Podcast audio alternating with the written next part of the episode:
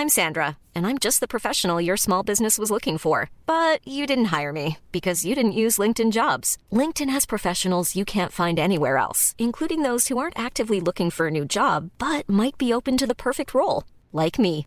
In a given month, over 70% of LinkedIn users don't visit other leading job sites. So if you're not looking on LinkedIn, you'll miss out on great candidates like Sandra. Start hiring professionals like a professional. Post your free job on linkedin.com/people today. Hey, it's Ryan Reynolds, and I'm here with Keith, co star of my upcoming film, If, only in theaters, May 17th. Do you want to tell people the big news?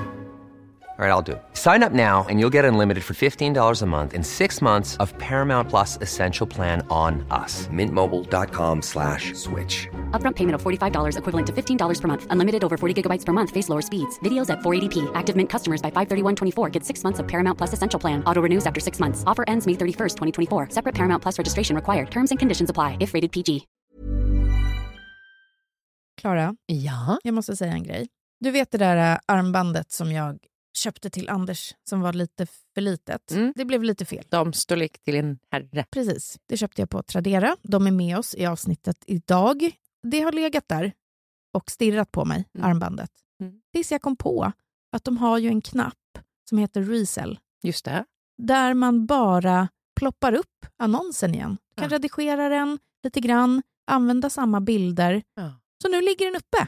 Det är otroligt. Det är otroligt! Jag har också sålt sjukt mycket kläder Mm. och fick riktigt mycket bud på typ så här en rodebjärkaftan Ah. som bara liksom drrt. Vänta nu, jag gav bort en sån till en kompis. Du skämtar? Nej, alltså den var uppe över 2000 spänn. Åh jävlar. Hör du det här Malin? Verkligen. Det är så roligt att och, eh, sälja på Tradera. Ja, för det är så vet. enkelt. Jag har ju samlat ihop ett gäng grejer nu så jag kan dundra upp ett gäng annonser. Jag tänker att de här pengarna ska gå dedikerat till min semester. Inte till barnen, Nej, inte till Anders, nej, till mig. bara dig. Jag kanske vill gå Mm. ut med dig en kväll under semestern. Du Mm. vet, vi lämnar familjerna hemma. Gud vad skönt. Ja, exakt. Alltså försemestern börjar Ja. väl nu. Vi går och liksom köper en dyr flaska champagne eller vi åker Ja, till en annan härligt. stad. Alltså, det här är det perfekta sättet att spara ihop till en liten extra semesterkassa. Mm. Gör det. Alltså sälj på Tradera. Det är också väldigt, väldigt, väldigt enkelt. Mm. Alltså det säljs snabbt. Puff! Det går så fort. Man tar den där QR-koden, visar när man lämnar in prylen eller plagget hos sitt postombud och sen så fixar de resten. Det är så smidigt. Alltså Tradera är som en bästis. När man vill få saker och ting sålda. Ja. Jag bara säga en viktig grej till. Okej. Jag har sagt det många gånger nu, men det är så lätt. Och det är liksom nyckeln för mig att det funkar. Ja. Så fort det blir krångel, då känner jag bara så här, jag skiter i Men det. då orkar man inte. Nej, orkar inte. Och det är också jättebra cirkulärt. Det är Precis. roligt att handla på Tradera. Släng upp nu, så kanske ni kan få typ en extra liten skjuts i semesterkassan. Ladda ner Tradera-appen och börja sälja. Ja, nu ska jag göra det. Ut, ut med det. Tack Tradera. Vi fortsätter vårt samarbete med Bosch serie 6. Och nu du, nu har jag hunnit använda köksmaskinen. Mm. Så nu kan jag prata lite mer fritt om de här fördelarna som den är verkligen har. Ja. När man bakar, jag tänker att jag ska snabbt dela ett recept på en pizzadeg om en Mm. liten stund. När man bakar, då håller man inte på med decilitermått och milliliter och hej och hå. Man väger. Det är nyckeln har jag förstått nu när jag har börjat baka brygd också. Bosch har ju självklart en inbyggd våg. Ja. Och jag gjorde pizza med ett av de här sensorprogrammen som Bosch har. Mm. Den har någon unik 3D-rörelse hoho, som gör att typ degkroken blandar allt. Alltså inget fastnar i botten. Nej. Sen sköter den sig själv. Alltså du kan ta en kaffe, ring ett samtal, bättre på läppstiftet. För den säger till när den är klar. För jag är också en sån som väldigt lätt glömmer. Mm. Börjar med någonting och sen går man iväg och så kommer man på någonting annat man ska göra. Och i bakning så är det så jävla viktigt att man gör som man ska. Bosch kommer ropa på dig. Nu har jag börjat ta mig an focaccia för att min dröm är att kunna göra såna här Mm. riktiga italienska mackor hemma. Ja. Jag kör Matgeeks eh, focaccia-recept. Mhm. Skitbra. Så ni kommer få se det nu på min Instagram när jag gör mina Italian sandwiches. Gud vad härligt. Ja. Jag bara snabbt delar det här receptet. 310 gram vatten, 6 gram torrjäst, 550 gram typo 00-mjöl Mm. och 15 gram salt. Mm. Kör ihop vattnet och jästen först. Sen adderar man mjölet och saltet och så knådar. Bosch serie 6-degen, elastisk och fin. Du kan googla Frida Lund pizzadeg. Ja, då kommer det upp. Det är jävligt gott. Och Bosch, det gör det enklare. Stort tack till Bosch. Varför ska jag ens finnas i köket längre? Du kan bara avgå. Ja. Jag blir sugen på att testa att göra pastadeg också, för jag hatar knåda. Oh, vad intressant. Ja, Det får du testa till nästa gång. det måste jag göra. Vi har ju en ny sponsor i podden som kommer om några veckor. Mm. Och så fick jag testa deras schampo och balsam. Mm. Och det har ju varit otroligt. Mm. Helt otroligt. Mm. Men sen plötsligt så började det klia som fan i hårbotten. Och så Mm. tänker jag så här, nej, är jag typ allergisk mot de här produkterna nu? Ja, för du har ju älskat dem. Jag har fått typ komplimanger till och med för mitt hår. Mm. Eh, och så testade jag ett gammalt schampo som har funkat förut. Men klådan består. Mm. Och sen har ju min äldste haft löss. Men vi kollade ju alla i familjen och ingen hade någonting. Nej, men det tar väl fem, sex veckor. Ja. Så sen sitter vi Mm. i en innebandyhall och jag tittar i hårbotten på min dotter och jag ser hur det kryper. Du skämtar. Och jag bara, åh Kryper. nej. Alltså, du, du ser alltså, djur krypa. Ja, för hon är så här, nej men mina löss är borta. Så tar jag bara, du vet att man drar, för hon har kort hår, drar i håret och sen bara, ah, nej, där kryper det. Absolut, 100 procent löss. Och eh, kommer hem eh, och då bara, nu kör vi be- behandling på alla bara rakt av. Ja. Och när jag har gjort min behandling så ska jag kamma igenom håret med en sån här luskam. Gud, det kliar på mig bara jag pratar om det. Mm, det Och då har jag ju också såklart löss. Ja. Så det var ju det. För sen efter jag gjort behandlingen, då är ju klådan i hårbotten försvunnen. Och jag Mm. kan ha mitt favoritschampo och balsam igen. Grattis, men okej, den viktigaste frågan för mig är ju, vi har ju kramats. Ja, Så du borde kolla dig. du skämtar? Nej. Alltså på, på en kram så kommer de, hoppar. Nej, det, jag läste att det tar typ 30 sekunder för dem att typ kliva över. För de kryper ju mellan hårstråna. Ja, vi, De har, hoppar ju inte. vi har inte gjort, vi har väl aldrig gjort en 30 sekunders kram du och jag. Nej, men om vi har stått väldigt länge med huvuden mot varandra när vi tar en bild kanske. Jag orkar inte, jag kan inte, nej, för det, det går inte. Och var det inte så när vi gjorde den där sminkliven att du lånade min hårborste? Men vadå? De, nej, jag får panik. Det kliar, jätte, det kliar alltså på riktigt. Kan du kolla sen? Jag kan nej, kolla sen. jag får panik. Jag kan Usch. kolla sen. Åh, och fy vad äckligt. Ah, Har du hört talas om de här nya mobiletikettreglerna som har kommit? Nej. Jag är väldigt upprörd över det här. Det har ju varit liksom en ganska lång tid där man eh, ber folk att smsa istället för ringa. Folk hatar ju att få telefonsamtal, du till exempel. Mm. Och då är det någon som, det här eh, läste jag i DN då, som har skrivit mobiletikettregler. Förvänta dig inte att oväntade samtal blir besvarade. Nej. Ring inte upp någon gång på gång om de inte svarar. Nej, okej, då är man ju, mår man ju inte bra. Nej. Om du ringer ett samtal som blir obesvarat, skicka ett kort förklarande sms om varför du ringde. Ja, men det kan jag hålla med om. Men va? Vadå, jag ringer för att snicksnacka så ska jag skicka, hej jag ville bara kolla vad du gör, hur du mår. Ja, exakt det. Eller är det någonting annat? Är det något allvarligt? Är det någonting jag behöver bryta mitt möte för att gå ut? För folk ringer ju sällan så man tänker när någon ringer att det är någonting allvarligt. Vi kommer komma till det här lite senare tror jag. För jag, jag har lite tankar kring det där eh, kopplat till vänskap som vi ju ska prata om. Men den här, bara sista. Var alltid beredd på att den som tar emot samtalet kan tycka att ditt samtal är allan, äh, allan, Alarmerande. är det det du ska säga? ja. Alarmerande. Skitsamma, svara i telefon för fan. Usch vad det kliar i min hårbotten. Nu drar vi igång. Det här är Tabberaset, en podd med mig, Frida Lund, och med Klara Doktorov. Låt Bruce Willis vara. Kan man få ringa en kompis utan att den tror att någon har dött? Free Britney. Och så det här med självkänslan. Ja, den där man kanske saknar när det kommer till vänskaper i vuxen ålder. Varför är det så lätt att känna sig utanför? Och vad kan det bero på när man inte blir medbjuden? Välkomna. Alltså det har kliat riktigt mycket på sistone. Var det Ja. Men kan det inte vara dina extensions då? Jo, jag hoppas. Jag tror inte att du har löss. Nej. Jobbigt om du har det, för då kommer du ju behöva ta ut allting. Det är du som betalar. Nej, jag skojar. Ja, exakt. Hur vet du att de kommer från mig? Alla har dem. Alla har löst. Alla har dem. Verkligen. Ja, vad har du kalasat över i veckan? Jag har ett kalas som kommer ta 15 sekunder. Mm. Och det är ostbågarna som jag äter varje kväll. Jag tycker det är så mysigt att gå och hälla upp en liten skål, Ja. lägga mig i soffan, ha skålen på magen och så ligger jag där och äter. Det är det- bara det. Det är det- så njutbart. Ingenting i dig när du ligger där med de här fingrarna i den här ostbågeskålen som tänker, åh vad det här luktar pillerump. Nej, Inte det, nej, absolut inte. Jag pillig- tycker inte det. Min, min man tycker det, men jag tycker inte det. Nej. Det är mitt kalas. Ja, och att du tydligen inte pillar i rumpan för då hade du ju känt det. Men äh, grattis! Usch, Vad tack. kul! Mitt kalas är att vi relativt spontant fick barnvakt över natten. Morsan och farsan är uppe i Stockholm och de har en egen lägenhet här. Typ som att de är vuxna nog nu för att ha en egen lägenhet. Exakt. Men så erbjöd de bara, så här, ska vi inte ta barnen? Och det här var ju mitt i veckan. Mm. Så att jag kände lite så här, ah, konstigt att bryta rutinerna och sådär. Men eh, vi nappade på bitet så att säga. Du kom hit eh, nyknullad, Ja, är fräsch och glad. Jag är ju det. Grattis. Alltså, det är, jag har varit någonting i mig som har varit så otroligt deprimerat den sista månaden. Och nu inser jag att det är ju bristen på sex. Ja. Vi har typ inte fått till det för att alla har varit sjuka och det har varit stressigt. Och Det har varit svårt också nu när man har börjat med den här ADHD-medicinen. För jag förstår det som att i början så kan lusten vara lite drabbad.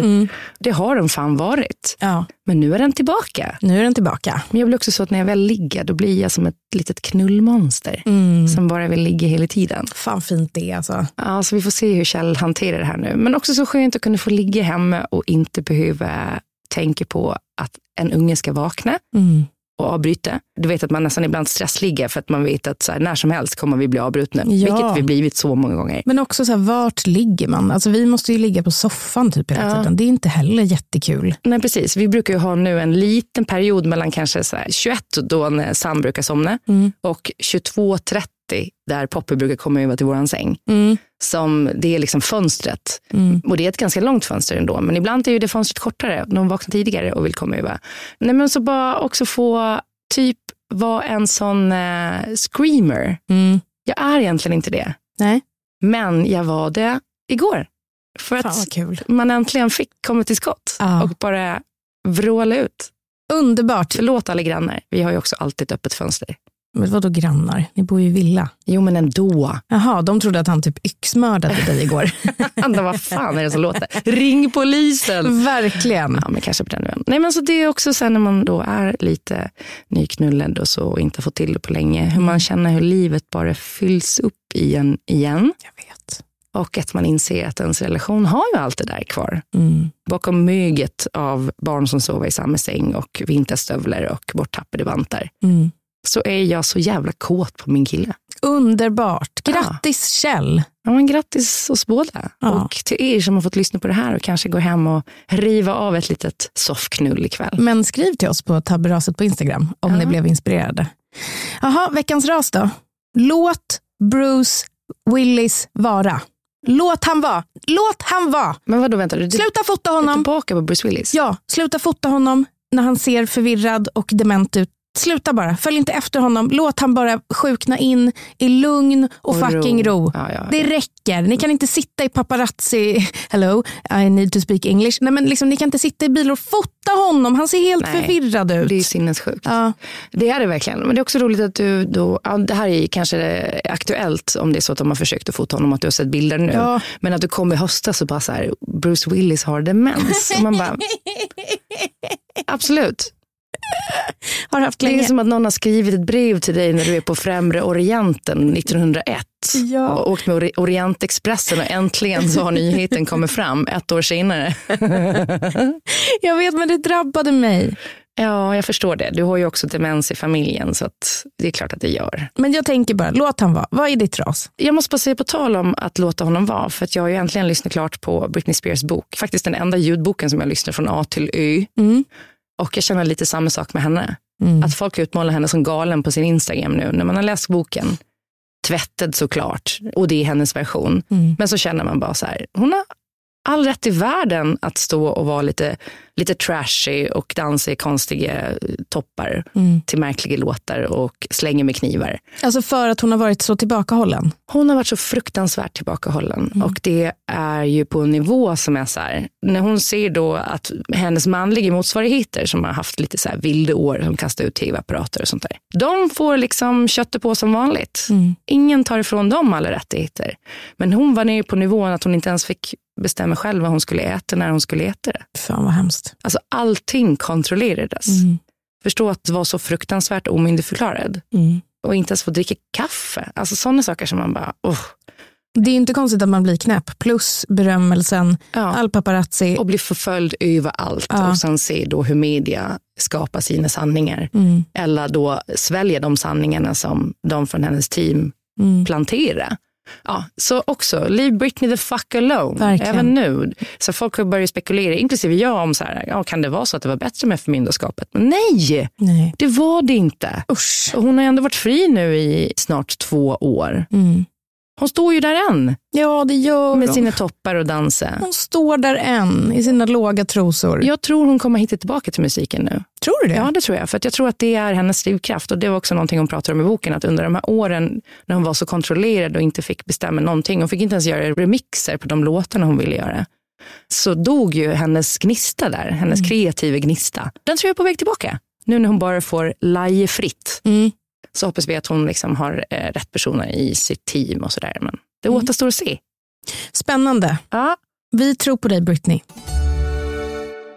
Mitt ras är ju eh, allt det som vi pratar om. Lössen, stressen. Fan Lössen, vilken... stressen, hösten, Höst- vintern, mörkret, Ja. deppen. Det är en kombination av att jag just nu har alldeles för mycket att göra och framåt ser att jag har alldeles för lite att göra Ja. efter årsskiftet. Jag Man vet. bara så här, okej, men nu hinner jag liksom knappt ens, jag vet inte, det är som att man är ett slukhål bara Mm. av olika grejer som måste göras och skickas in och dyka upp till höger och vänster som man inte hade tänkt på eller räknat med. Och sen bara gapa kalendern tom hela våren, bortsett från podd och sommelierutbildning. Mm. Förutsatt att man nu klarar det här jävla provet då. Mm. Och det stressar mig så in i helvete. Ja, jag känner faktiskt lite samma. Vad ska jag göra? Vad ska jag... Och Det är ju det här som är knasigt med influencerskapet. Att det alltid, liksom maj, juni, helt galna. Men då finns ljuset i alla fall. Mm. November, december, helt galna. Men det är becksvart, det är vabb, man är sjuk själv och man ska hinna skicka allting hela tiden. Och det är så här, det låter kanske, eller det är inte särskilt svårt att här, filma ett samarbete. Det är inte svårt, men det kräver tankekraft, det kräver Kreativitet. kreativitet, sen ska man klippa, man ska liksom Ja, skriva copy, alltså allt Det är sånt. rätt många avancerade briefer också får man säga. Ibland så är de ju, du ska få in alla de här grejerna men du ska göra det på ditt sätt och det ska vara Ja, och sen får kreativt man och tydligt. Och, korr och då måste man göra om allt. Man måste klippa och, alltså Det tar så många timmar och det kan verkligen stressa en. ja, och där har jag också varit dålig på att bedöma det för att jag har ju inte haft min huvudsakliga inkomst som influencer tidigare. Jag hade ju varit podd Mm. bara, eller radio, under tiden som jag har varit en offentlig person. Så har det här bara ligger lite ovanpå. Mm. Och det är så mycket grejer som jag har sagt nej till. Jag har sagt nej till typ 99,9 procent av alla förfrågningar jag har fått. Och nu kan jag bara känna så här, varför sa jag inte ja till mer då? För nu, nu hinner man ju inte ens göra allting som man skulle behöva tacka ja till för att få det att gå runt. Nej. Verkligen en, en, en liten personlig storm i ett vattenglas. Men jag tror det är som för alla egna företagare när man inte har sådana här stora, längre löpande inkomster och projekt som bara ligger och tickar på. Mm. Man blir ju lite orolig såklart. Ja, jag är inne på mitt fjärde år som egenföretagare och har haft extremt mycket stress över det där. Mm. Alla år. Men förra året, eller det här året, liksom januari, februari, mars, när det ganska ofta är väldigt lugnt. Mm. Det är inte liksom jättemycket samarbeten i januari direkt. Så har jag försökt vila i att det kommer komma. Mm. Jag ska inte hetsa upp mig nu. För De tidigare åren har varit så här, "Jag- måste söka jobb, jag, liksom, åh, panik. Men det kommer vara så här, det är upp och ner. Och sen så är det november och man sitter med 40 olika grejer. Mm. Jag tror att man bara måste vila i att saker och ting kommer att unfolda och inte stressa så mycket utan ta den tiden att försöka hitta nya projekt eller kreativa saker man vill göra på något sätt. Det har jag missat ganska ofta för att jag varit så stressad över att ingenting kommer. Mm. Men jag, jag tror nog också, gud nu blev, blev det här verkligen eh, karriärriktning-podden, men jag tror att jag har haft så svårt att, att identifiera mig som influencer. Mm. För att man tänker inte att man riktigt har den påverkan eller makten, om man nu ska säga.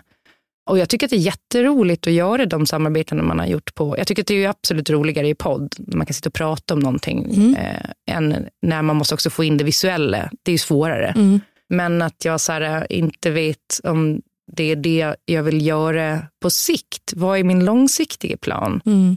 Vad är mitt brand? Och de grejerna jag, så här, så när jag sitter och skriver ner, jag tänker att det ska jag också ägna jul och nyår åt. Så här, vad vill jag mer framåt? Men när jag sitter nu och skulle formulera en lista på grejer jag vill göra, Mm. så inser jag ju, förutom då podd och sommelierutbildningen, så är det ju grejer som inte ger så jävla mycket pengar. Mm. Och jag menar, jag måste ju kunna ta ut lön också. Ja, jag tror att man får se det som att jag har i alla fall behövt ha sidoprojekt i Ja. mitt influencerskap för att jag har inte känt att det är tillräckligt tillfredsställande att bara göra samarbeten. Vissa kanske tycker att det räcker, men för mig har det inte gjort det. Och då har det liksom blivit så att jag har så här, skrivit lite böcker eller Mm. men starta vinimporten. Jag gick in som delägare i ett väskföretag under en period. Alltså försökt så här, hitta grejer där jag kan vara liksom, kreativa jag även utanför de sakerna. Och du Mm. kommer hitta det. Det kommer komma till dig. Ja, men Och- också typ så någon form av bolag eller någon form av produkt eller någon form av grej som inte är att jag bara måste sälja mig själv. Exakt. Eller min livsstil, min familj, där jag kan plocka de grejerna helt ur ekvationen på sikt. Mm. Så är det inte så att det här företaget är, ja men ta eh, Löwengrip som ett exempel. Mm. Isabellas hudvårdsmärke. Mm. Som hon ju har sitt namn på men inte ens äger idag. Nej. Det kanske var lite dumt, fast jag förstår också att de döpte det till Löwengrip då. Absolut. Men just att man kan kliva åt sidan efter ett tag Ja. och bara jobba mer liksom, affärsmässigt, kreativt, långsiktigt, strategiskt. Mm. Och jag tänker att man får tänka att det är en otroligt lyxig tillvaro att Ja, kunna verkligen. göra de här liksom, samarbetena. Jag tycker ofta att det är skitkul. Jag tycker också det är jätteroligt, men det är också att man lägger nästan mer tid på det än vad man borde för att man tycker att det är kul. Ja men verkligen. Men det är så lyxigt att ha det och sen kanske då kunna göra de här sakerna du skriver på din lista som inte genererar så mycket pengar Ja. men som kommer generera lycka eller tillfredsställelse Ja. för dig. Skriva en roman som vinner Augustpriset. Vad tror du? Ja men typ, typ en sån sak. Oj då! Nej. Nej, den drömmen är långt bort. För att jag eh, lyckas ju knappt sätta mig ner och skriva klart den här föreläsningen som jag ska ha. När det här avsnittet sen så har jag haft en föreläsning faktiskt i Uddevalla. Dröm! Förutsatt att, för nu ska det bli någon jävla snösmocka här. Jag är bara rädd att jag inte kommer kunna ta mig dit på ett eller annat sätt. Eh, Men eh, Du får vandra som de gjorde i, runt i Sverige för eh, 11 000 år sedan. Ja, jag har Ja. börjat kolla på historien om Sverige. Och Simon J Berger, vad känner du? Nej, men jag tänker, alltså, Det är ju ett förspel. ja, men det är också Han så här, ska han bli liksom Attenborough? Är det det han vill? Ja, men jag hoppas nästan det. För jag tycker ändå att han har något. Det är väldigt mycket Dramaten i honom. Ja. Han, han har ju någonting där. Och eh, SVT gjorde rätt som tog in honom. Och jag inser också, för jag har ju alltid haft en grej för redheads, alltså gingers. Just det. Mm, Han är ju fan det. det är han. Det finns en ginger-ton där. Skitsamma, det var mitt eh, ras. Och nu känns det eh, redan lite lättare faktiskt. Vad Jag härligt. bara får formulera det. Jag har en affärsidé också som jag drog för Kjell igår. Han eh, sköt ner den ganska hårt. Jag kommer inte dra den i podden här bara för att jag kommer på någonting som jag inte tror att någon annan gör just nu. Men jag tar det med dig sen. Spännande. Ja.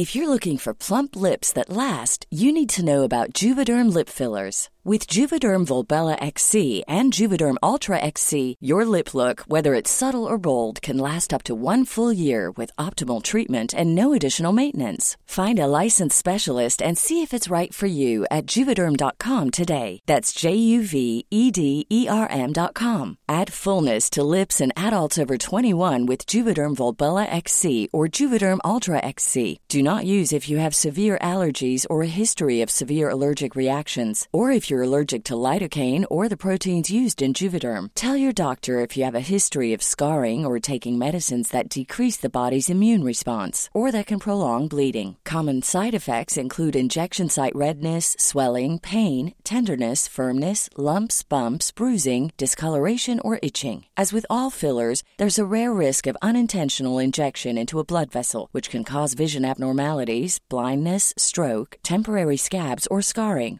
For full important safety information, visit juvederm.com. You should celebrate yourself every day, but some days you should celebrate with jewelry. Whether you want to commemorate an unforgettable moment or just bring some added sparkle to your collection, Blue Nile can offer you expert guidance and a wide assortment of jewelry of the highest quality at the best price. Go to BlueNile.com today and experience the ease and convenience of shopping Blue Nile, the original online jeweler since 1999. That's BlueNile.com. BlueNile.com. Vi hoppar in i ett samarbete tillsammans med Lexus som nu lanserar sin minsta SUV. Det är lite roligt med den för den säljs i fyra olika atmosfärer för att passa olika personligheter. Väldigt roligt. Ja men eller hur. Och bilen heter Lexus LBX. Och jag vill också säga och vara väldigt tydlig med att även om den är liten så har den ju det japanska arvet, hantverket och alla exklusiva detaljer som alla Lexus-bilar har såklart. Ja. Det roliga med Lexus är att det du har i din bil säger mycket om vem du är som person och de vill utforska det Ja. och göra What's in my car edition, alltså den här gamla goda What's in my bag. Ja. Och vi ska tillsammans med Dumma människopodden utforska det här. Alltså vi ska visa och snacka om vad vi har i våra bilar och så ska dumma människor analysera det. Det är ju skitkul. ja. Och pinsamt, eller? Kanske lite pinsamt. Ja, för jag tänker liksom, är det jag? Alltså det jag har i bilen, är det jag? För det är nog inte så bra. Jag kan liksom känna lite samma sak men jag tror också att folk kommer att bli chockade över vad jag har i min bil sett till hur jag kanske framställer mig i övrigt som människa. Så att det är spännande faktiskt. Innan vi kommer in på vad vi har i våra bilar så måste vi prata om att då igelhybriden Lexus LBX har olika atmosfärer så att man kan liksom beställa beroende på sin personlighet. Och de atmosfärerna som finns att välja mellan är elegant, relax, emotion och cool. Vilken tänker du spontant passar dig bäst? Jag vill vara en cool, Ja. men jag tror att om jag ska köra bil så bör jag vara en relax. Ja. Jag är beredd att hålla med med tanke på att jag har sett och hört din road rage. Exakt. Jag tänker ju också typ att jag borde vara en emotion. Men jag dras till elegant. Den kan du sitta med din Chanel-klänning i. Återhållsamt, sofistikerat, mycket stil. Jag vill nog vara mer elegant faktiskt. Men du, berätta nu. Vad har du i din bil? Jag är så nyfiken. Och det är kanske därför också jag vill ha elegant. För att mitt liv i övrigt i bilen är väldigt icke-elegant. För jag har alltid eh, våtservetter, jag har solglasögon och då är det inte snygga solglasögon utan det är ju bilsolglasögon som där som en, ens pappa hade på 80-talet från typ Ja. macken som man bara köper för 99 kronor och ser ut som skit. Men de funkar och de får inte vara för mörka heller för du ska kunna klara och köra liksom in och ur tunnlar utan att behöva ta av dem. Just det. Och sen har jag alltid minst tre sån här eh, återanvändningsbara plastkassar som man handlar med. För att nu är ju plastpåsar så sanslöst dyrt. Jag har alltid extra blöjor och en sån här liten plastgreja som gör att man kan få loss en kundvagn på ICA. Wow. Ja men vadå, har inte du alltid det i bilen? Nej, jag blir jätteavundsjuk. Det jag har i min bil kommer vara ett sånt jävla nedköp. Jag är jätterädd nu för hur dumma människor ska tolka. Ja, förutom det, hundbädd och extra koppel till hunden. För det är ju ofta man slänger in hunden och så glömmer man kopplet och så finns det ett extra där. Vad har du då? Nej, men. Jag, jag har ju bara tomma grejer i min bil. Alltså godispapper. en vattenflaska ligger alltid i dörren med en liten slatt. Ja. Och då vet jag inte liksom hur länge den har legat där. Läppglans, alltså för det har jag tappat ner eller slängt ner när jag liksom är stressad när jag kör och inte kan liksom titta då åt sidan så bara kastar jag iväg det någonstans. Ja. Ibland har jag en torr våtservett, men det är sällan jag har liksom ett helt paket. Och sen har jag alltid en tom godispåse och en slatt med gammalt kaffe. Nu finns avsnittet med dumma människor uh, där de analyserar vad vi har i våra bilar. Där poddar finns. Gå in och lyssna nu. Stort tack Lexus! Tack Lexus.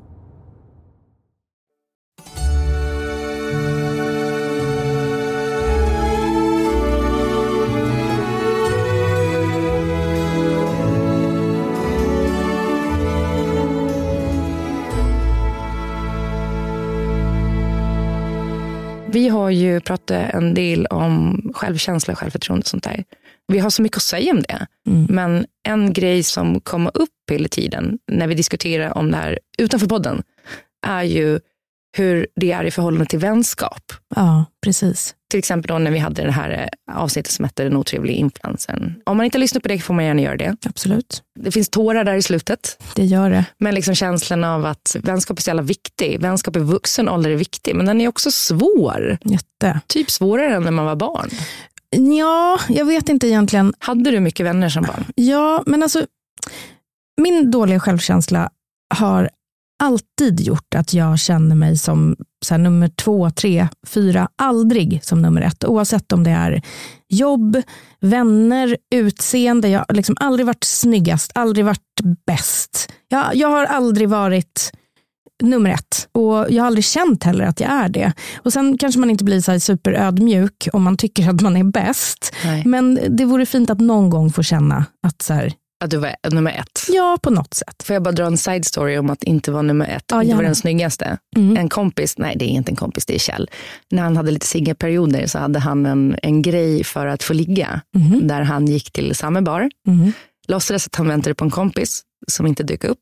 Såg eh, ett tjejgäng, valde ut den som var då Ja. minst snygg. Eller så här, den Ja. som var the duckling. Jag. Han valde ut mig. Han valde ut dig Ja. och eh, satsade liksom alla kort på den fulaste tjejen i gänget. Fan, fint. Vinst varje gång. Nej, åh. Det är fan hemskt ju. Fast också, vadå? Ja. Det är väl mysigt? Men kan du tänka dig också, så här, för att han- han la ju också märke till att då de här väldigt snygga tjejerna, för han har ju alltid varit väldigt snygg kille också, Mm. men de här snyggaste gänget blev nästan lite så här förnärmade av att inte vara de som blev raggade på först. Jag önskar att jag hade träffat Kjell när jag var singel. det hade varit jättemysigt. Men också jobbigt om du hade vetat då att det var hans taktik, Ja, att han det- valde ut Nej, men det hade ju Den varit fruktansvärt. Så. Alltså på något sätt har, har min dåliga självkänsla gjort att jag har jävligt bra självförtroende typ, när det kommer till jobb och sånt. För jag vill, jag vill så gärna visa att jag, Ja. jag kan. Men de där grejerna tror jag inte alltid hänger ihop. För jag har också ganska bra självförtroende i jobb och jag tror som kompis och som förälder också. Men självkänslan är ju någonting annat, någonting Mm. skörare. Verkligen. Och någonting som är mer drivet av liksom, framgång, bedrift. Mm. Eh, jag vet inte. Nej, men jag håller med. Men när jag var yngre så hade jag ett eh, kompisgäng som var ganska elaka mot mig ibland. Och jag var säkert också jätteelak ibland. Det var man ju när man var liten, för man testade hur allting funkar. Men de kunde liksom vara utstuderat elaka mot mig på ett jävligt vidrigt sätt ett par gånger. Och jag, när jag satt och funderade kring det här med självkänsla så kom en specifik situation upp som jag tror liksom fuckade ganska hårt med eh, självkänslan. För min självkänsla, även i vänskap, bygger på att jag är väldigt rädd att bli lämnad för att jag inte är tillräckligt bra. Och vi var fyra tjejer som skulle ses och det här var mina bästa kompisar då. Vi kanske är, vad kan vi vara, alltså sju, åtta år. Vi bodde i samma område. Har du kontakt med de här idag? Nej. Ibland lekte vi liksom två, ibland tre, ibland var någon utanför. Alltså så som det kan vara, men vi var vi fyra. Och eh, vi ses, men så räknar de ner och så springer de ifrån mig. De tre. De har alltså bestämt att de ska springa ifrån mig. Och du ska vara kvar? Alltså, De ska lämna mig, de vill inte vara med mig. Eh, och de räknar ner? de räknar ner, typ tre, två, ett, Men spring. det här är mobbing. Det här är, men det, det, det är inte färdigt. Och jag blir såklart alltså fruktansvärt ledsen. Ja, Eh, och går hem och när jag kommer hem så börjar de busringa. Alltså de ringer flera gånger och liksom skrattar i luren. Jag hör att det är de tre. Alltså jag blir helt så skakad när jag tänker på hur fruktansvärt elakt det är. Och jag vet inte riktigt hur många gånger de ringer, men det händer flera gånger. Sen hör jag min pappa ringa upp den ena tjejens nummer och liksom ryter åt hennes föräldrar Mm. och bara be era jävla döttrar typ skärpa sig, det här är inte okej. Bra. Sen blev vi liksom vänner igen, så som man blir. Som man blir, ja. Det kändes kanske inte helt bra för mig, men vad skulle jag göra? Det fanns ju kanske inga andra just då.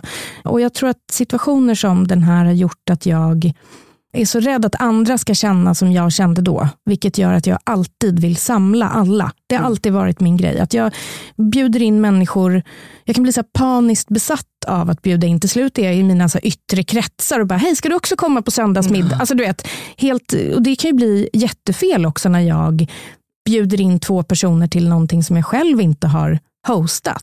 För att jag tycker synd om dem. Jag kan, jag kan liksom inte höra, om någon frågar mig vad ska du göra på fredag och jag ska på en middag, så är det som att jag spontant kräker ur mig. Vill du följa med? För att jag, jag vill aldrig att någon ska känna att jag inte prioriterar dem. Ja. Det var ju det där du gjorde med mig på Moa Gammels födelsedagsfest. Ja. Jag var inte bjuden per se, Nej. men du, jag var bjuden via dig. Ja men exakt, där tog jag lite initiativ. Men, och det är ju inte mitt beslut egentligen hur Nej. andra ska känna. Nej, nej. Det är väl säkert inte så att andra blir ledsna för att jag säger att jag ska på en fredagsmiddag. För det blir inte jag när någon säger det nej, nej. till mig, men det har liksom ett exempel på det här var när jag jobbade på H&M och en kollega till mig sa så här, ja du borde träffa X, hon älskar också surfa, ni borde ta en lunch. Så vi tar en lunch, Mm. sitter i matsalen på H&M. Efter en kvart har jag bjudit med henne på min och Anders och ett till pars resa till Frankrike som vi ska göra på sommaren. Som du har känt i en kvart? Ja, hon säger ja. Nej, Jo. gjorde hon det? ja och hon kom, alltså det var en otrolig resa. Ja, man kan ju också känna direkt om det här är någon man Exakt. klickar med såklart. Men det är ju Exakt. roligt att säga ja också. Det är imponerande. Ja men verkligen. Och hon kom där och vi hade världens bästa resa. Men det är ju också lite Weird. weird att bjuda in. det. Var ju tur att hon var lika weird då som. Ja, Och jag tänker att liksom, det kanske attraherar många weirdos. så, så kan det Ja, här faktiskt sitter ju vi. vara. Så kan det verkligen vara. Men, och det är så, här, liksom, när man är en person som har lite följare på internet och Instagram och man har en blogg och man skriver så vill ju folk prata om en. Och man vet att så här, internettrollen vill ju trycka på ens knappar. Ja, ja, det är det enda de ägnar sig åt. Det är det enda de ägnar sig åt. Och får de luft och syre och märker att det får effekt. Ja, så Då- trycker de ännu hårdare. Ja. Men det spelar ingen roll för att man vet kanske att det är troll men man blir jätteledsen ändå. Och när folk skriver om mig så skriver de just att jag är typ en taskig, hon var säkert fruktansvärd på högstadiet. Hon är säkert en sån som lämnar folk utanför. Jag vill bara skrika typ nej, alltså det är jag inte. Jag Nej, lovar, det är, inte. fan, det är fan det sista jag är. Jag kan säkert vara ett jävla as ibland men jag vill verkligen aldrig att någon ska bli ledsen. Min största hatstorm var när jag för, när det nu var ett år sedan, eh, ett och ett halvt år sedan, bjöd in ett stort gäng att åka till Köpenhamn, du bland annat. Jag skrev på, bara startade en DM-tråd med liksom typ 20 pers som jag kände, vissa känner jag, vissa vill jag lära känna. Hej, ska vi dra en helg till Köpenhamn? Eh, bjud in vilka ni vill. Den här helgen tänker jag. Och alla sa typ ja. Det ploppade in fler och det var liksom Ja, det var ju väldigt tydligt att du var så här, bjud med vilka ni vill. Det är kul om vi bara blir ett jättegäng. Ja, och sen så var vi ett jättegäng som åkte och vissa kanske var ledsna då att de inte var medbjudna. Mm. Och eh, då började det skrivas jättemycket om mig. Jag, jag har aldrig i min liksom influencerkarriär fått så fruktansvärt mycket hat. Alltså på ett sätt som var, folk skrev, jag gick in och bara kollade så här, raderade kommentarer på min blogg. Och då är det bland annat en tjej som skriver så här, helt off topic, men jag måste bara ta upp en sak som jag inte kan släppa angående dig. Som jag inte kan släppa. På grund av att jag följer dig upplever dig som, som otroligt otrevlig och oskämd. Vilket gör det så jävla svårt att tycka om dig. Du är verkligen fruktansvärd. Man bara, Va? men sluta följ mig då. Och jag blev ju pissledsen över det här. Samtidigt så förstår jag ju exakt hur de personerna som inte var med på den här resan känner. Mm. För det är det som har varit min skräck hela tiden. För det är det jag har känt när jag var liten, bland annat i den där situationen. Så det vart sån jävla error i mitt huvud. Jag blev jätteledsen för att jag fick hat. Jag blev lika ledsen för att andra var ledsna. Och till slut så bara, ah, vad fan ska jag göra åt det här? Mm. Och det blev ännu en törn då på det som jag är mest rädd för, alltså att folk inte ska tycka om mig längre eller lämna mig. Jag förstår det, men det är också så jobbigt att sitta i det där. Och jag minns inte, men jag tror, skrev du något blogginlägg när du förklarade det? Ja, jag försökte liksom skriva att, jag vill inte ta upp specifika personer såklart, men jag skrev att, försökte vara tydlig med att alla fick bjuda in alla. Ja, Alla fick det. så var det ju verkligen. Mm. Och det gjordes ju. Mm. Och också så här, jag tror att den allmänna bilden av det var att det var så här en influencerresa och det var det ju inte riktigt. Det var ju folk inte. som var med som inte var influencers. Ja. Men det, liksom, det var ju typ folk som är någonstans i branschen eller kanske har egna varumärken och gör produkter och sådär. Mm. Jag blev också så väldigt chockad över den responsen och att jag kan möta människor på middagar eller tillställningar som pratar om det där fortfarande. Mm. Där man bara, ja men hallå, Mm. det är ingen grej. Nej. Varför sticker det så jävla mycket i ögonen att så här, ett gäng tjejer Mm. får för sig att åka en helg till Köpenhamn? Mm. Det är otroligt märkligt det där ju. Ja, verkligen. Och jag tycker att det har varit, hela livet eh, i princip varit svårt att typ hitta mig själv i vilken typ av vän jag ska vara. Ska jag vara den här vännen som, jag hade en kompis för massa år sedan som också, jag vet inte, jag verkar liksom locka till mig folk, det känner jag nu, nej men som tyckte att man skulle ställa upp väldigt mycket för varandra. Och det är absolut, det kan jag också tycka. På vilken nivå pratar vi då? Nivån var att hennes mamma låg på sjukhus och det var fruktansvärt för hon var väldigt sjuk. Mm. Men den här kompisen ringer mig då och vill att jag ska komma med en cheeseburgare till Karolinska. Klockan är två på natten. Mhm. Och jag gör det för att jag tyckte synd om henne. Men i efterhand kan jag se att det var flera sådana där situationer som var lite så här, ah, jag vet inte. Mm. Det kanske... Så jag, jag tyckte det var svårt att navigera i, så här, ska man göra allt för sina vänner? Det vill man ju på ett sätt, men det är ju inte heller rimligt att kräva allt. Äh, Jag vet inte, jag tycker att det är skitsvårt. Men sen min pappa dog och liksom hela min värld rämnade så har jag, började jag liksom bygget av att lyssna. Nu återkommer vi till den här inre rösten Ja. igen, som uppenbarligen inte alltid funkar. Men att försöka lyssna in när saker och ting känns nej, typ i vänskaper. Mm. Att det är okej att säga nej jag kan inte på fredag. Eller det är okej att träffas två stycken också. Mm. Det har varit skitsvårt. Och jag har liksom mina eh, fem små bästisar och jag litar ju på dem till 100 procent. Vi behöver inte höras varje dag. Nej. Och de skulle inte ringa två på natten och be om en cheeseburgare. Nej, de skulle inte det. Om de skulle göra det, då skulle det vara fucking jävla kris. 100 procent. Exakt Ja. så. Jag hade nog inga sådana grejer som hände när jag växte upp som var särskilt komplicerade och många av dem, mina närmaste vänner har jag ju haft sedan jag föddes i princip, Mm. eller liksom dagisålder. Och sen då blev vi ett lite större gäng på gymnasiet som fortfarande hänger ihop. Och utom dem vet jag inte vad jag hade varit eller hur jag hade fungerat ens idag. Mm. För att den vänskapen är så fruktansvärt trygg. Mm. Alla är väldigt olika men ändå lika på något sätt. Och alla får vara den de är. Mm. Men jag har i vuxen ålder haft ganska svårt att släppa nya människor nära inpå. Och det gör ju att jag kan känna mig ganska ofta lite ensam. Hur menar du med att du har haft svårt att släppa människor nära inpå? Att du stänger av? Ja, men det kan ju vara lite utifrån det vi pratade om i det, den otrevliga influenceravsnittet. Det där med att jag vet att, att folk väldigt lätt får en felaktig bild av mig. Mm. Som gör att jag får ganska låg självkänsla. Och då känner du det är ingen idé att jag ens försöker för att det kommer bli fel ändå. Precis, eller så här, man orkar inte. Och sen har jag varit ganska mycket i relationer som gör att man kanske inte har haft lika stort behov heller av det här jättestora sociala nätverket. För när man väl har haft lite tid över, jag fick ju barn tidigt också, Ja. så har man ju vill ägna den tiden åt dem som man redan känner och tycker så mycket om. Mm. Men det kan ju också bli liksom ganska ensamt nu när de också är ute i sina deep down i familjelivet och karriärer och annat.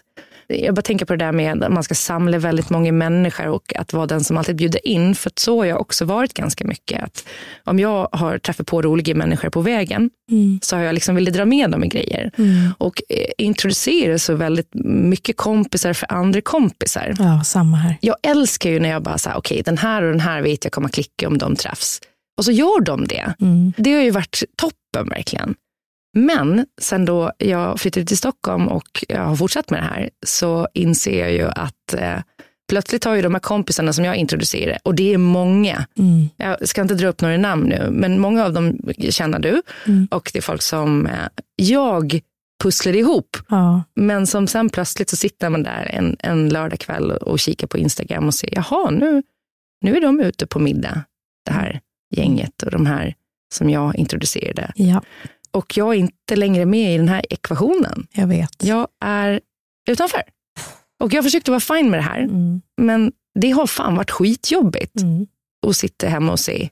Och ingen har frågat mig. Mm. Men jag har försökt att självrannsaka lite och tänker då framförallt på de som inte kände sig medbjudna på den här Köpenhamnsresan till Mm. exempel. Att jag känner igen mig själv lite Mm. i det där. Och kom på att jag är nog fan dålig på det där dagliga. Liksom, halloj, hur fan är läget? Alltså chattandet. Ringa. Ah. Men det är sånt som andra är bra på. Mm. Och kanske fortfarande, även om de är i en relation som jag har varit ganska dålig på. Lat kompis. Mm. Men också lat för att jag är lite rädd att inte bli lämnad, men att eh, jag vet inte, att inte få någon, den responsen Mm. som man, jag vet inte. Och jag är också så jävligt kass på att planera grejer. Jag märker ju att det mesta jag gör socialt är sånt som trillar i mitt knä. Mm. Och folk kanske tröttnar på människor som inte tar egna initiativ och som inte är så här, hej halloj, ska vi gå ut och ha en middag, ett roligt gäng på lördag? Mm. Eller om fem veckor, eller vad det nu kan vara. Jag är ju tvärtom. Du är ju den som styr upp det där. Och jag kan känna, vad händer om jag inte alltid, inte alltid, om jag inte oftast tar initiativ, Mm. kommer jag aldrig bli medbjuden på något då? Det vet jag ju inte. Ja, Det är liksom lite samma känsla. att så här, fast omvänt ja. jag bara styr upp grejer hela tiden och det är ju för att jag tycker att det är roligt. Men när jag liksom backar tillbaka ett steg kan jag känna, när var det någon som frågade mig om jag ville gå ut och äta middag? Mm. Vet du, jag vet inte när det var. Nej. På riktigt. alltså, fan vad hemskt. Nej, alla hatar mig. Nej men de gör ju inte det. Men folk är så jävla bekväma. Mm, Men blir man för bekväm, till slut så, så slutar ju folk att räkna in en. mm. Och man får lite skylla sig själv där. Det är perfekt att du har blivit kompis med mig då. För jag, jag slutar ju aldrig. För jag är så jävla rädd att om jag slutar så Ja. kommer ju ingen någonsin höra av sig till mig. Så det är perfekt. Då har vi varandra. Jag var alltid så svinglad, men det är ju typ så här med min kompis My då, som du också känner som jobbar med den här podden. Hon är ju typ alltid den som tar initiativet också. Ska vi ses, vad gör ni den här helgen? Vad är det så här, kan vi boka in någonting? Och sen så har jag insett, så här, tänk om hon tror att jag bara säger ja för att jag känner att jag måste, för så är det aldrig. Nej. Man blir alltid skitglad.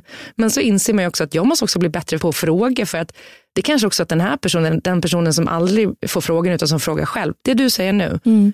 känner att så här, oj, ingen vill vara med mig om inte jag tar initiativet. Mm. Ingen frågar mig spontant. Mm. Så fan, vi måste bli bättre på det där. Och jag tänker också, så här, vad fan skulle hända om, om Kjell lämnar mig? Eller, eller om han gick bort? Han är ju lite äldre. Mm. Ja. Han är ju rätt mycket äldre. Fan, 50, fyller 54 nästa år. Helt Ja. sjukt. Och hur mycket jag vill ha vänner men varit så jävla dålig på att förvalta. Men hur kommer det sig tror du? För jag är ju tvärtom. Jag har ju liksom 40 chattar pågående jämt. Jag Ja. älskar ju, och jag har alltid också haft ett jättestort behov, även fast jag är i relationer, att umgås med vänner. För jag får, man, man får ju så jävla mycket garv och liksom saker som man aldrig kan få. Jag är inte så att jag inte garvar med Anders, men grejer som man aldrig kan få med sin partner får Mm. man ju med vänner. Och då är det ju så intressant att höra kring hur man kanske hamnar tvärtom när man hamnar i en relation. Är det då, har du känt att du inte behöver hänga då? Eller vad, vad liksom, jag är bara intresserad, för det kliar så mycket i min hårbotten. du har inte löst. Nej. Jag ska kolla dig sen. Mm. Som en sann bro.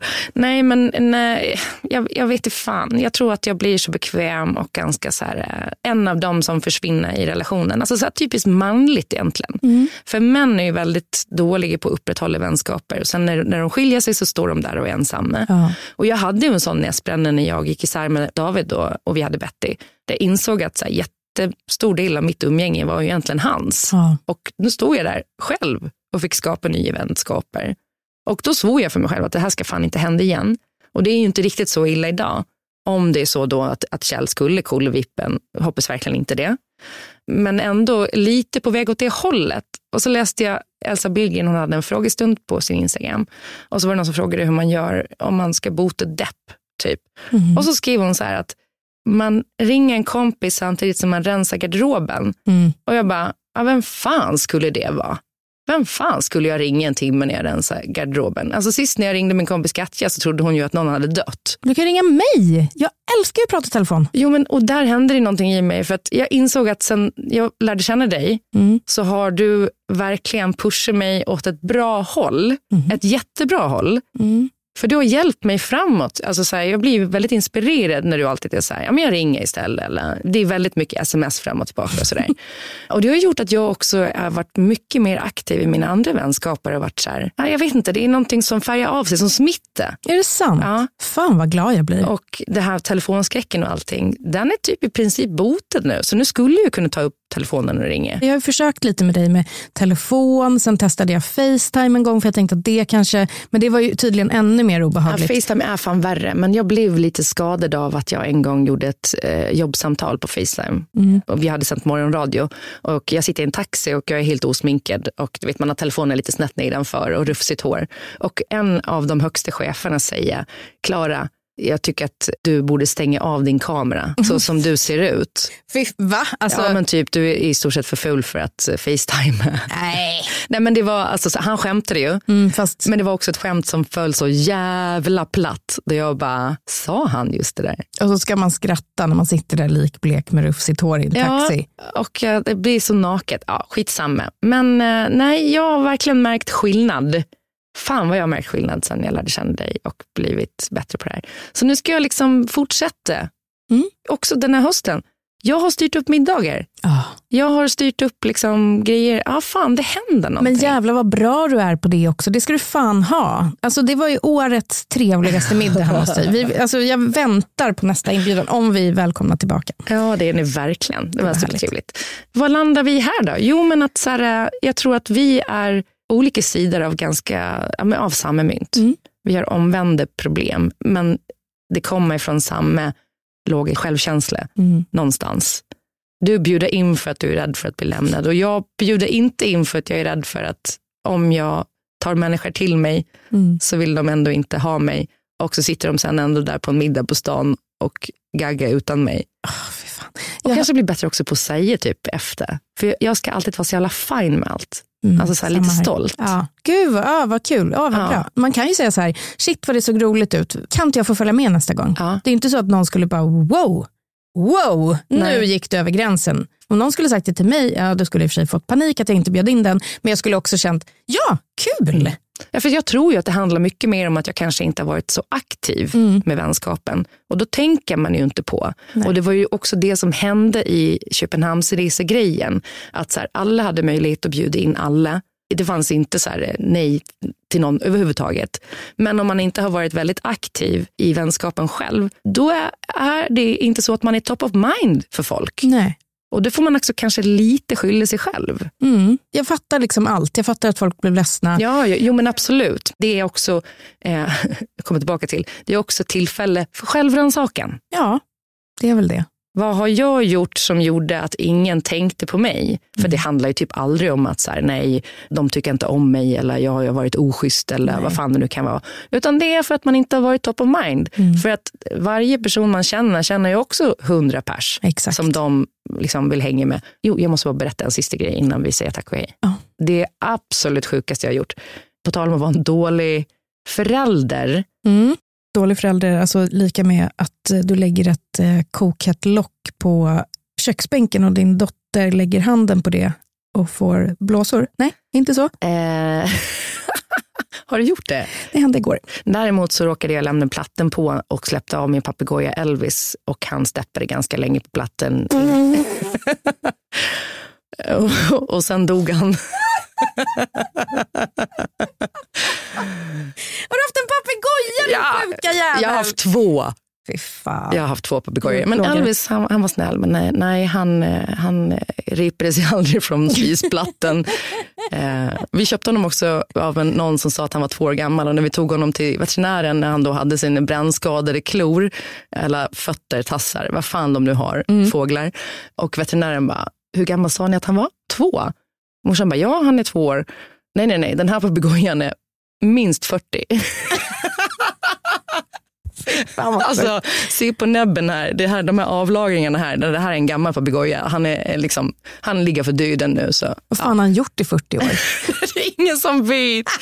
Han är begravd vid vår stuga nu. Elvis. Nej men dålig förälder var jag i helgen när jag och Betty bara, fan vi ska kolla en film ihop. Och så säger hon när hon ser den på eh, SF Anytime, den där filmen har jag sett sådana här snippets på typ TikTok eller vad det nu är. Den verkar skitkul. Så ser jag bara så här, okej det är en komedi, ladda ner den eh, och hyr den. Och vi börjar titta och då är det då fyra kinesiska tjejer i USA som ska åka till Kina. Den heter Joyride. Mm. Och eh, börjar jätteroligt med att när de är barn då så börjar de hänga på någon lekplats och en av tjejerna eh, ger en snyting till en pojke som är rasistisk. Och sen när i alla fall växer de upp, kommer till Kina, sitter på ett tåg för de ska leta upp den enes mamma efter adoptionen. och det blir en räd. Och visar sig att de delar tågkupé med en, eh, en langare. Och sen då istället för att, för de kan inte få upp fönstret så de kan slänga ut det där knarket och langaren säger så här, jag kommer att säga att ni är mina medhjälpare. Så alla måste typ stoppa upp allt knark i röven och dra allt knark så att de så här, mm. tokknarkar, drar ladd. Någon skriker, jag blir så jävla kåt varje gång jag tar cola. Bla, bla, bla. De kommer av tåget i alla fall sen för de blir avkastade från tåget för att de är så jävla weird för att de är så jävla knarkade. Och då är jag så här, jag bara, Betty, vad är åldersgränsen? Hon är 11 va? Ja, så går jag tillbaka och tittar och jag bara, det här känns inte okej med knark. För det var också så väldigt knarkromantiserande. Ja. Och så bara, ah, nej det är 15 år. Okej, men vi tittar lite till. Och sen så blir de upplockade av ett gäng och sen så blir det alltså på riktigt trikant, det är liksom knullfest. Det är det sjukaste jag sett. Så precis innan du vet, när man märker vad det här barkar hän så ja. pausar jag och eh, Betty hinner se det klipps ganska snabbt från så här, mm. ingenting till att en tjej ligger och skriker och har två män mellan benen som slickar henne. Åh herregud. Och jag och Betty skrattar så mycket. Vi skrattar så mycket och jag bara, okej okay, nej, du kan inte se den här filmen. Nej, förlåt. Tack och förlåt. förlåt. Ja, så eh, om ni är sugna på att se en film kan ni titta på Joyride. Den var kul, jag såg klart den sen själv. Mm. Men gör det inte med ett barn som ens är 15 skulle jag säga. Nej. För det är jättepinsamt. Du vill inte dela det med dina föräldrar? Nej.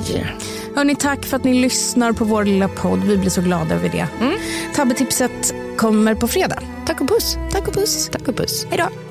Någon hade eh, stoppat upp en hel kondom full med ladd och sen bara, jag tror den sprack. Dröm. Nej, jag Nej, men fan vad har jag gjort? Årets mamma.